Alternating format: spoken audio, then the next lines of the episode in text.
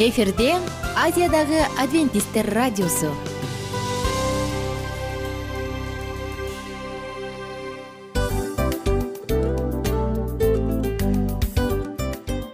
Достор салют. Баардык сүйүктүү угармандарыбызга салам айтабыз. Кутман күнүңүздөр менен. Ден соолук өмүрдүн булагы демекчи саламат саамы программасында баарыңыздарды көргөнүбүзгө абдан кубанычтабыз. Анда алгач амандашып өтөлү арбаңыздар деп. Ден соолугуңуздар кандай элибизде көбүнчө ден соолук кандай дегенде эле жакшы деп жооп беребиз э? ооруп турсак дагы жакшы дейбиз. Анан мен муну айтып ойлойт элем бул абдан сонун сөз депчи анткени бул жакшы деген үмүт да э ооба баары жакшы болот. Баары сонун. Деп үмүттөнүп атып эле өзүбүздү өзүбүз дарылап коебуз. Анысы кандай? Сиздин дагы ден соолугуңуз жакшы беш деген үмүттөбүз чындыгында ден соолук бул өмүрдүн булагы деп бекеринен айтылган эмес деп ойлойм. Кыргыз элинде анткени эгерде ден соолук жок болсо анда адамдын жашоосунда калган баардык керектүү маңыздуу нерселер өзүнүн баалуулугун жоготуп коет. Ошондуктан ден соолук бул эң керектүү нерсе. Ооба туура айтасың кесиптешим. Чынында ден соолугуң жок бир эки үч күн ооруп калсаң эле э кандай болуп калат? Жашоодо көз каранды болуп каласың көп нерсеге жетишпей каласың көп нерсени кыла албай каласың жада калса эчке дүкөнгө да чыга албай каласың. Туптуура анан ден соолук болсо демек биз биздин бактыбыз тоодой деп койсок болот. Анда достор саламат саамы рубрикабызды баштайлы. Алдыда өзүңүзгө керектүү болгон сонун кеңештерди уга аласыздар. Мына ошондуктан биз менен бирге болуңуздар. Ал эми биз болсо милан жана айнура. Кеттик алга. Алга саламат саама ден соолуктун жарчысы. Саламат саама ден соолуктун ачкычы. Күн сайын сиз үчүн мыкты кеңештер сонун жаңылыктар кызыктуу фактылар биздин рубрикада.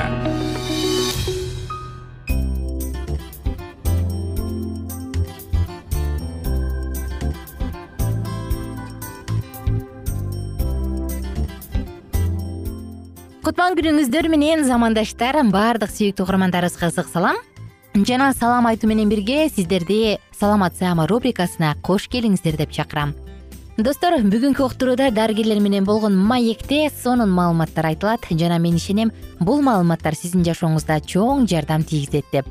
Жагымдуу мүнөттөр бирге болсун биздин жыштыктан алыстабаңыздар радионун үнүн өктөмүрөөк чыгарып керек болсо кагаз калем сап алып керек болсо өзүңүздүн уюлдук телефондун диктофонун күйгүзүп алып жаздырып алганга дагы аракет кылыңыз анткени чындыгында бул сонун белек маалыматтар кымбат маалыматтар сиздер үчүн. Жагымдуу мүнөттөрдү бирге өткөрөлү кайрадан салам айтабыз сиздер менен бирге кызматыңыздарда мен айнура миназарова. Азыркы күндө ар бир үчүнчү аял гинекологко барып бир сыйра көрсөтүлгөндөн кийин сизде эрозия бар экен деген сөздү укса керек. Албетте тилекке каршы деп айтабыз бул оору эмнеден улам келип чыгат? Жана аны кантип дарылаш керек? Эрозия эмнеси менен коркунучтуу жана эмнеден улам пайда болот? Албетте булардын баардыгы тең маанилүү суроолор дал ушул суроолорго бүгүн сиздер менен бирге жооп алабыз.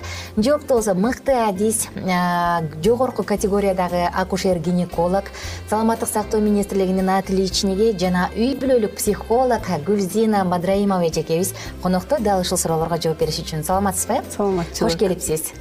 Ден соолугуңуз иштериңиз? Баары жакшы. Эң сонун суроолор экен. Себеби биздин э, аял затына аябай терең түшүндүрүш керек ушул суроодучу ушунун айынан канча кыйналып жүргөн жаштарыбыз бар. Жаш жаш кезинен өтүп кеткен айымдарыбыз бар. Ошон үчүн жакшы тема тандапсыңар. Жеткиликтүү кылып түшүндүрөлүк экөөлөө чоң рахмат. Гүлзина эжекебиз келип бергениңиз үчүн ыраазычылык айтам дароо эле саатыбыздын башында жана албетте азыркы күндө эң эле коркунучтуу оору дегенде биз онкологиялык ооруларды айтып келебиз гипертония жүрөк ооруларын айтып келебиз. Бирок ошол аял затында аял ичинен эң эле кеңири таркалган онкологиялык ооруларды алып келген дал ушул эрозия тууралуу сөз баштагыбыз келип турат. Сааттын башында эле коркутуп атам. Себеби дегенде э бул чындыгында баягы аи эмне ракты пайда кылабы ушуга өтүп кетеби дегенде биз бир аз мындай селтене түшөбүзбү анан аракет кылат эмеспизби. Алгач анда суроо башынан болсун сизге биринчи суроом жатын моюнчасынын эрозиясы деген эмне жатын моюнун э, жарасы деп айтсак э, жакшыраак түшүрөт. Э, себеби эрозия деген сөздү уксак кандайдыр бир түшүнүктүмүндай эле болуп калат да. Кыргызча жөнөкөй сөз менен айтканда эмне үчүн жарасы? дейбиз. Именно ошол жатындын оозу баягы көп причина себептердин айынан жара болуп кетет. А жара болгондон кийин себептер абдан көп. Бирок эмне үчүн аялдар ошону укса дагы укпаса дагы кайрылышпайт? Себеби оорубайт вот адам бала ушундай үйрөнгөн да жаны ооруса ачышса же бир жаман жана албай калса. ошондо гана жүгүрүп келебиз да врачкачы. Ошон үчүн көбүнчөктү эрозияны баягы случайно келип эле бир көрүнгөндөн таап калабыз да и эрозияң бар экен деп. Же болбосо баягы причиналар уже башталат өтүшүп баратканын жаман жыт жыттанат кандайдыр бир ичи ооруп баштайт же менструациясы өзгөрө баштайт же жыныстык катташат туура эмес мындай оору пайда болот ошондо гана анан кой барып көрүнөйүнчү деп келишет.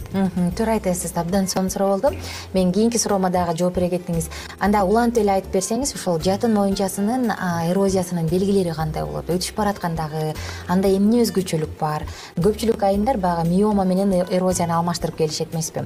Эрозия жатын моюнчасы деп айтылган жерде ушул айтылган эле жерде болот. Ушул жөнүндө дагы бир аз кененирээк айтып берсеңиз. Жатын моюнчасынын жарасы эрозия шейки матки деп эле так эле мындай диагнозду жакшы айткандай кылып айткандай кылсак ал э, мындай бизге көрүнөт да врачка келсең эле көрсө болот. А миома деген ал жатындын ичинде болот. Ичинде же сыртында же булчуңунда ар кандай жайгашкан жерлеринде болот. Миома менен э, эрозиянын такыр башкача айырмасы бар. Көбүнчөктү эрозия эмнеси менен жаман? Аны дарыланбай жүрүп алышса ал жаман ооруга айланып кетет. Жаман деп айтасың да мисалы үчүн. Залалдуу шишик ракка айланып кетет десең ошол жерден баягы аял киши өзүн өзү ошого даярдап коркуп башташы мүмкүн. Ошон үчүн биз жаман ооруга айланып кетет э, кыйналып каласың деп мындай жумшартып айтасың да. Э, ошон үчүн баягы көбүнчөктү профилактикалык осмотрларда Э, көрүнөт. Же бир жөн эле көрүнүп бир кетейин дедим эле деп келгенде выявить этилип калат. Ага чейин мындай өтүшүп кеткенге чейин жүрүп алышат. А өтүшүп кеткенде э, кандай белгилер болот? э, өтүшүп кеткенде же мындай башталганда деле ошол белгиси биринчи эле баягы себебине жараша болот. Эгерде себеби инфекция болсо анда бир э, биринчи эле себеби гормоналдык э, бузулуш деп айтайлык.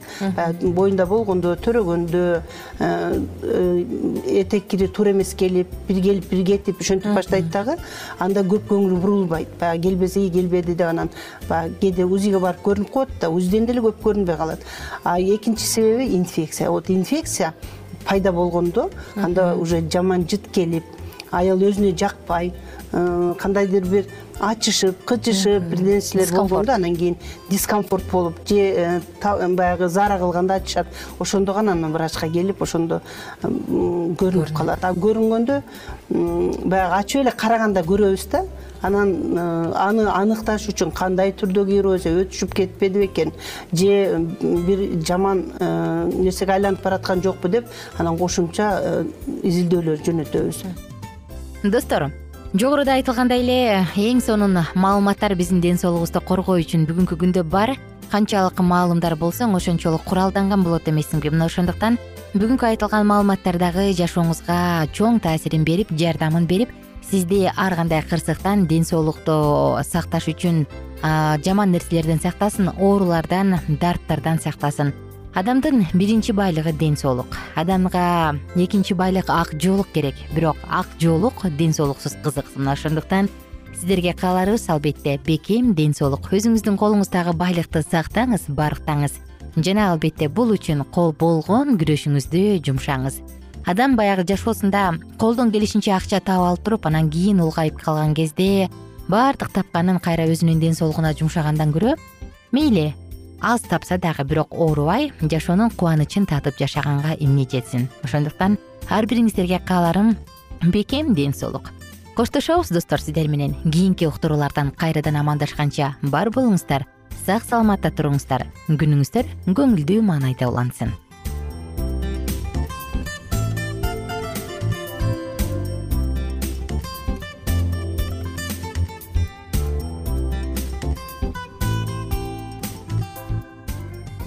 кененирээк маалыматтар үчүн үч w чекит саламат чекит клуб сайтына келип таанышыңыздар. Жана андан тышкары социалдык тармактарда youtube facebook жана instagram баракчаларына катталыңыз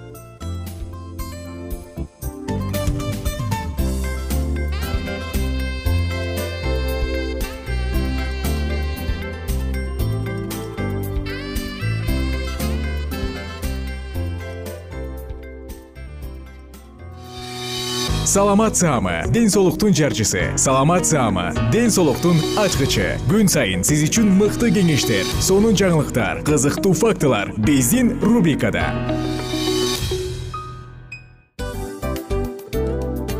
Салам достор. Кайрадан биздин сүйүктүү рубрикабызга кош келиңиздер деп айтмакчыбыз. Баардык замандаштарыбызга арбаңыздар деп саламыбызды айтабыз. Улуу ушундай бир э, урматтаган учурашуу менен анан дил маек радио баракчабызга чакырабыз. Негизи дил маек биздин рубрикабызда эмне жөнүндө кеп кылабыз? Бул дил маектин мааниси эмнеде? Рубрикабыз менен кичине тааныштырып кетсеңиз. Сөзсүз түрдө тааныштыра кетейин кесиптешим суранычы боюнча бул учурда бул радио баракчада биз ар тарап кесип ээлеринен сонун кеңештерди алабыз сүйлөшөбүз сырдашабыз аталарыбыздын эжелерибиздин апаларыбыздын кеңештерин угабыз айтор жан дүйнөгө адамдын э, сапатына адамдын деги эле адам болуп жашашына керектүү баардык кеңештер алдыда негизи э, дил маек дегенде баягы эки адамдын ортосундагы сырдашуу кенен сүйлөшүү. Негизи эле биз адамдар бири бирибиз менен бир жерге жай жерге отуруп алып өзүнчө тынч э, жашоо жөнүндө өмүрүбүздө эмне болуп атканын бөлүшкөнү жакшы көрөбүз э адамдар. Ооба туура айтасың анан мындай учурга кээде убакыт да жетпей келет э. Же болбосо сырыңды кайгыңды муңуңду кубанычыңды айткың келет а адамга ишенбешиң мүмкүн. Ооба. А бул радио баракча угармандарыбыздын чыныгы досу. Анткени бизден алган кеңеш сиздин жашооңузга чоң жардам берет. Ал эми сиздин бизге айта турган сөзүңүз ортодо гана сыр бойдон калат. Ошондуктан биздин дил маек рубрикабызга дагы бир жолу кош келиңиздер. Жана биз даярдаган маалыматтарга даяр болуңуздар. Айнура жана милан сиздер менен бирге алдыга кеттик ар түрдүү ардактуу кесип ээлеринен. Алтын сөздөр жүрөк ачышкан сыр чачышкан сонун маек. Дил маек рубрикасында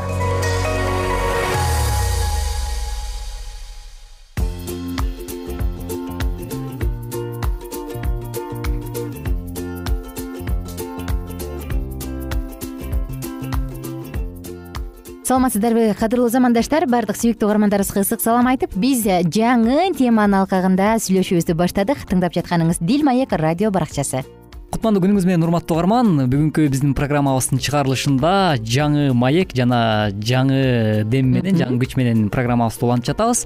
Тактап айтканда программабыздын темасы үй бүлөлүк акча каражаттары туурасында болмокчу. Э, финансы каражатын кантип туура пайдаланышыбыз керек? Ушул туурасында сөз кылабыз.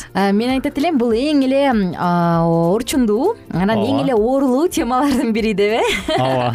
Анткени жашоодо финансы чече турган нерселер көп эмеспи э керек болсо бир уктуруубузда да айтканбыз конфликттер жөнүндө кылганда конфликттин көп пайызын токсон пайыз пайызы ушул конфликт акчанын жетишсиздигинен келип чыгат. Материалдык э, каржылыктын аздыгынан келип чыгат экен депчи.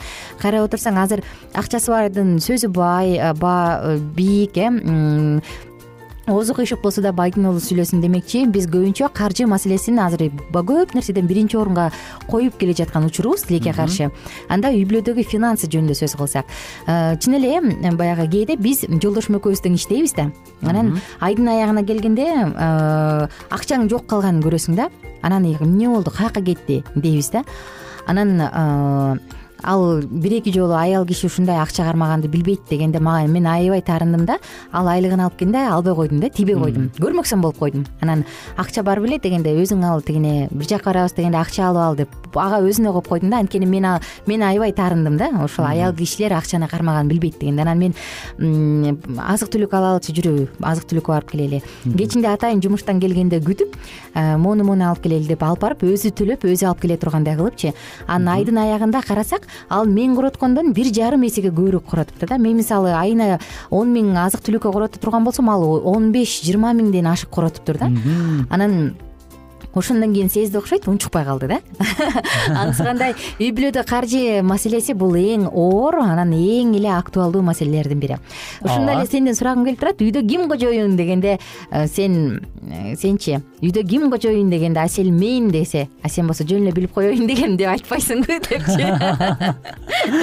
Тамаша бул албетте мен сурайын дегеним үйдө ким? финансы министри деп сурагым келип атат жакшы абдан жакшы негизинен эле көп үй бүлөлөрдө көп э, учурларда баягы үй бүлөдө ошол бюджет жагынан акча каражат жагынан көп талаш тартыш маселе жаралат эмеспи өзүң айткандай ошол айдын аягына келгенде эмне болуп акча жоголуп кетти э, мынча бар эмес беле деген сыяктуу суроолор болот. Албетте бул нерсе менин үй бүлөмдө деле болгон. Мындай мен деле ошентип келинчегиме сенин жолдошуң айткандай мен дагы аял киши ушу акча кармаганды билбейсиңер да деп айткан учурум болгон да. Ошондон улам бизде мындай болгон мындан кийин э, э, биз жазалы депчи. Анан жазганга келгенде ким ошол нерсеге жоопкерчилик алат деген сөз болгондо жоопкерчиликти өзүм алгам да. Мен жазайын мына мынча сом. Анан көбүнчө крупный сумма мисалы көбүрөөк акча болуп калганда крупный сумманы ошого жоопкерчиликти мен алайын анан кандайдыр бир майда барат э, азык түлүк азык түлүк э, аркы берки нерсе э, болгондо айт мен ошону мындай бөлүп мындай алдын ала бөлүп коелу депчи анан бир ыкманы колдонуп көрдүк. Биз ошол жаңы үйлөнгөндө конверттерге атайын бөлүп мисалы коммуналдык төлөмдөргө өзүнчө атайын светке өзүнчө деп ушундай кылып бөлүп анан жазып туруп анан салып койчу элек да азыр үйдө канча конверт бар деген анан ушул нерсе аябай жакшы экен. Мындай ошол жаңы үйлөнгөн учурда ушул ыкманы колдондук анан ошондо бизде мындай финансы жактан көп чыр чатак болгон жок да. Болду, э, так болгон аябай жакшы экен да. Анан жеңил болду. Мисалы үчүн э, келинчегим менден дагы акча сурай бербейт башым оорутпайт да мындайча айтканда ошол конвертте турат ошол жактан алып колдоно берет. Анан ошол ыкманы биз ушул экөөбүз бир чөйрөдө радиодо тармагында бир иштеп анан ушул жаатта программа алып барып анан ошого даярданып атканда баягы ар бир кеңештерди карайсың да. Маалымат алып атып анан ушул кеңеш жакшы экен ушуну колдонуп көрөлү өзүбүздүн жашообузга деп анан колдонуп баштаганда мындай кыйла жеңилирээк болгон да. Бирок бүгүнкү учурда бул деле уланып келатат бирок мындай кээде э, дайыма эмес дагы болуп калган учур болот мындай кандай десек. Кээде мындай дайыма эле ошол конвертке сала бербейсиң кээде ар кандай? Конвертке да артпай калат. Ооба артпай калат. Ачыгын айтканда. Туура айтасың жок чын эле. Менин эсимде биз жаңы үйлөнгөндө мен анда тамадалык кылып той алып барыпчымын да. Анан ошол тойдон кийин мен биринчи кирешемди алып келип анан азыр биздин бир эки жумага акчабыз жетет. Анда муну конвертке салалы кел деп биринчи жолу конвертке акча салганым эсимде. Бирок ал конверттин ичиндеги акча бат эле түгөнүп калып ошойдон конверт системасы бизде жок болуп калды да. Бирок бир бир жолу сага айтып бергем ушу эки үч ай мен баардык киреше чыгашалардын баарын жазгам деп. Эми ноябрдан баштап кайра ушул ыкманы колдоноюн деп өзүмө мындай бекем коюп атам а, мындай кылбаса болбойт экен депчи. Анткени акча каяка чыгып атат каяктан келип атат баарын байкап эсептеп турбасаң баары бир чот жок болуп калат экен да анан кээде карасаң иштеп атасың иштеп атасың бирок а, кычырап деле кийинбейсиң тоедо деле тамак жебейсиң бирок акчаң кете бергендей сезилет эмеспи э ооба. Мына ошондой болбош үчүн. Үй бүлөдө финансы маселеси бүгүнкү темабыз. Сиздин үй бүдө акчаны ким дегенде мен дагы угармандарыбыздын жообун ал төмөндө жаңыра турган whatsapp номурубузда күткүм келип атат. Сиздин үйдө акчаны ким кармайт? Мисалы биздин үйдө экөөбүз сүйлөшүп жүргөндө эле бул нерсени чечип алганбыз да.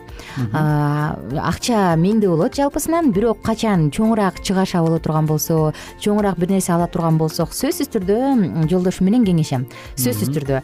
Анан качан гана ал макулдугун бергенде ал жактан акча чыгат. Эгерде ал жок кой туралы десе демек ал кой турган кой турган ал эми азык түлүккө келгенде күнүмдүк азык түлүктө мен сурабай эле алам. Анткени бул эми баарыбыздын кардыбыз э. А качан конок жөнүндө сөз болуп конок чакыралы дегенде мен баары бир мындай эркек деп ойлойм да ал өзүнүн эмгегинин көрүш керек депчи анан ооба. Мен андан сурайм кандай дейсиң деп. Анан ал үйдө канча акча бар канча акча кетет дейт. Мен болжолдуу айтам ошондо жок кой туралычы анда дейт. Же мейли чакырсаң чакыралы анда кел мейли чакырып коелу дейт да. Бул ыкма ага дагы не обидно мага да не обидно. Экөөбүзгө тең мындай жакшы анан конок чакырсаң да жүзүң жарык жакшынакай отурасың да. Ооба. Ошондуктан үйдө если что мен финансы министри дегендей жолдошум болсо таап келүүчү да. Биз бул теманы кийинки уктурда уланталы кандай дейсиң? Ооба сөзсүз түрдө э, урматтуу угармандар ал эми сизде дагы кандайдыр бир ойлоруңуз болсо сөзсүз түрдө жогоруда кесиптешим айткан whatsapp билдирүүгө өзүңүздүн пикириңизди калтырыңыз. Достор сиздер менен убактылуу гана коштошобуз. Негизи акча баарын чечет деп азыркы күндө айтылат. Бирок бул андай эмес. Андан баалуу турган адамдык касиет адамдык сапат бар сүйүү бар андан алда канча бийик турган эч нерсеге сатып ала албаган э? Мына ошондуктан ушул сонун баалуу сезимдер үй бүлөңүздө болсун. Сиздер менен коштошобуз. Амандыкта болуңуз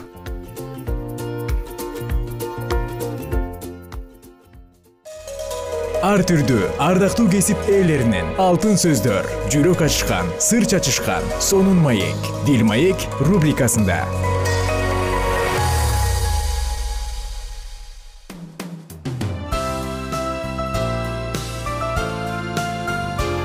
Эфирде азиядагы адвентисттер радиосу.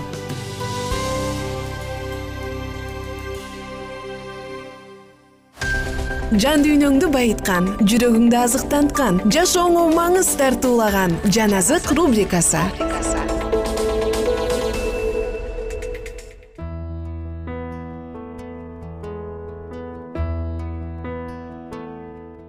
Саламатсыздарбы биздин сүйүктүү досторубуз. Жалпыңыздар менен амандашып жан азык радио баракчасын баштадык. Достор бул уктурууда дагы биз акыр заманда эмне болот дүйнөнүн келечегин эмне күтүп турат? Мына ушул тууралуу кызыктар болгон ар бир суроого жооп берүүгө даярбыз.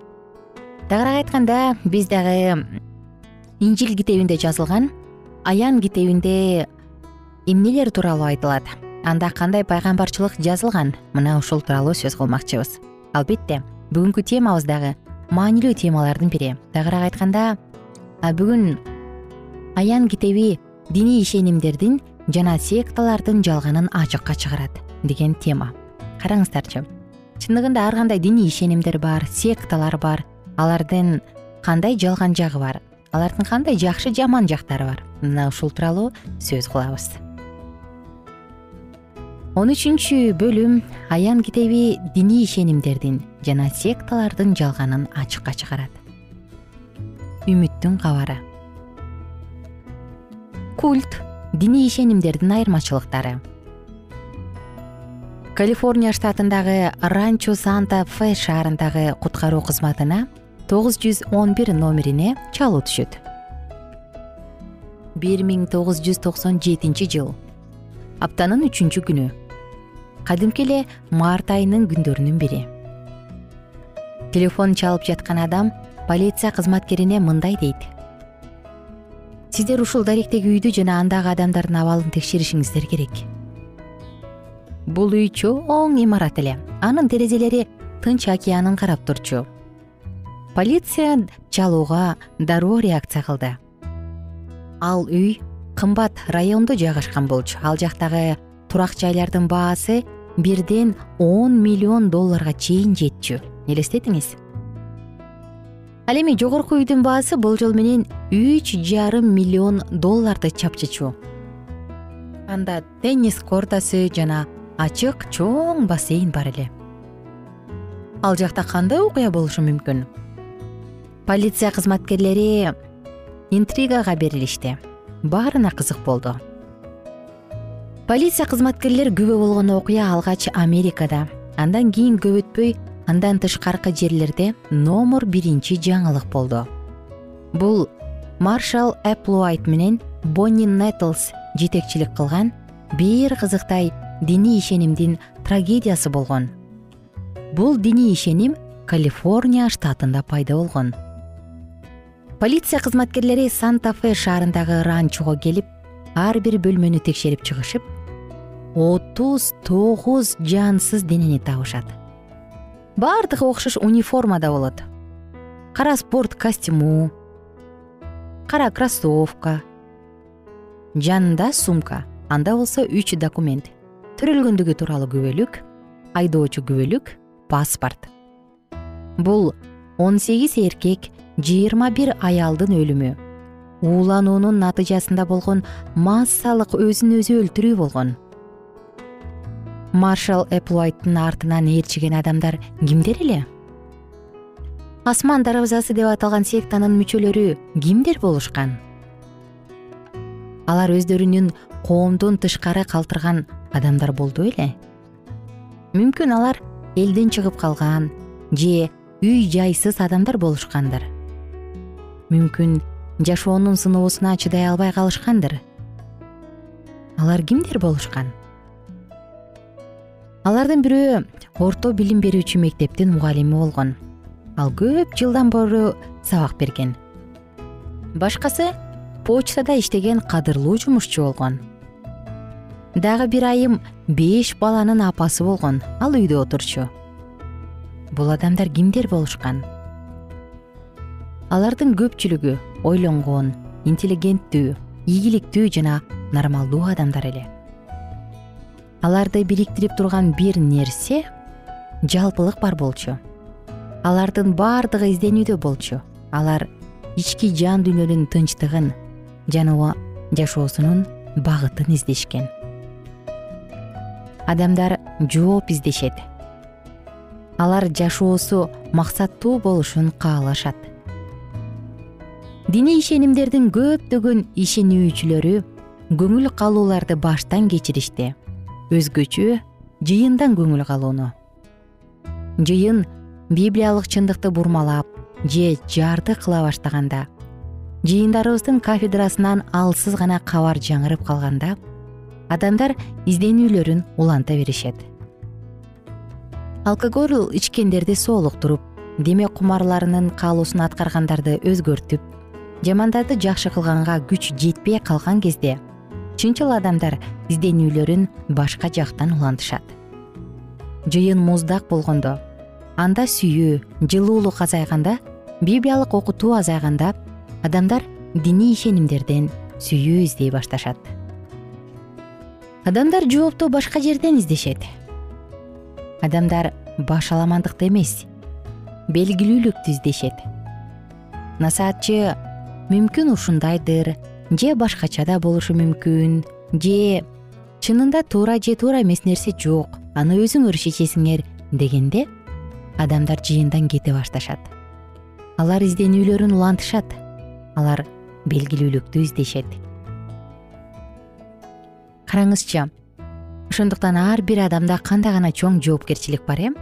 Секта бул секта бул мындай деп көп угабыз тирүү ишенимдин баардыгы көпчүлүгү ой бул секта бул мындай бир өзүнчө дин деп айтышат. Бирок бул өзүнчө дин да эмес секта да эмес. Бул болгону тирүү ишеним достор кийинки уктуруубузда биз бул теманы андан ары улантабыз. Секта менен ишенимдин кандай айырмачылыгы бар? Кайсы учурда аны секта деп атоого болот? Ал эми тирүү ишеним деген эмне? Бул тууралуу кийинки уктуруубуздан кабардар болосуздар ага чейин угармандарыбыздын ар бирине кааларыбыз жүрөгүңүздө тирүү ишеним жашасын деген гана тилегибиз бар. Жашооңуз маңыздуу жана маанилүү болсун. Кайрадан амандашканча бар болуңуздар.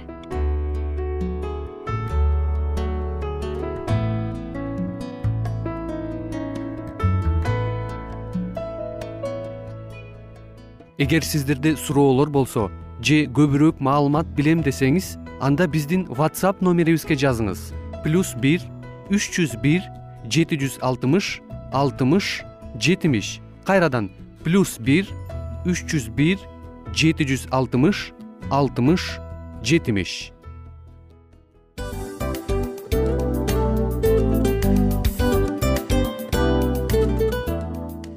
Мына ушинтип убакыт дагы тез өтүп кетет экен. Биз дагы радио уктуруубуздун аягына келип жеттик келип кубандырдыңар эми кетип кубандыргыла деп тамашалап калышат эмеспи? Анысы кандай? Радио баракчабызды программабызды азыр эле баштап аткандай болдук элек. Мына соңуна келдик э? Негизи убакыт э, билинбей өтүп кетет экен мен дагы э, убакыт дегенде бүгүн бир адам менен сүйлөшүп калдым. Анан убакыт бул мүмкүнчүлүк деп айтып өзүмө өзүм айтып алып анан мага өзүмө эле кайра ачылыш болду да чын эле э Э, карап отурсаң ошол эле жыйырма төрт саат ошол эле жарым саат кайталанып атат. Бирок сендеги мүмкүнчүлүк жок ошол кой берилип кетти? Анысы кандай? Бүгүнкү сонун убактыңызды алтындай болгон жарым саатыңызды бизге бөлүп арнаганыңыз үчүн ыраазычылык айтабыз. Анан жашооңуздун кайсы бир сферасын өзгөртө турган сонун пайдалуу кеңеш алган болсоңуз анда биз максатыбызга жеттик. Анан ушул нерсени кылбасам десеңиз ошол өзгөрүүлөрдү кичинекей кадамдардан баштап иш жүзүнө ашырыңыз дагы жашооңузда чоң чоң ийгиликтерге жетиңиздер. Чын жүрөктөн ар бир берилген кеңештер сөздөр сиздерге пайдасын алып келет деп ишенебиз. Жана кийинки уктурууларда сөзсүз түрдө чыдамсыздык менен сиздерди күтөбүз.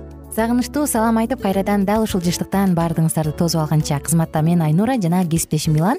Анда кол булгалайбыз жалпыңыздарга ийгиликтүү күн. Саламатта калыңыздар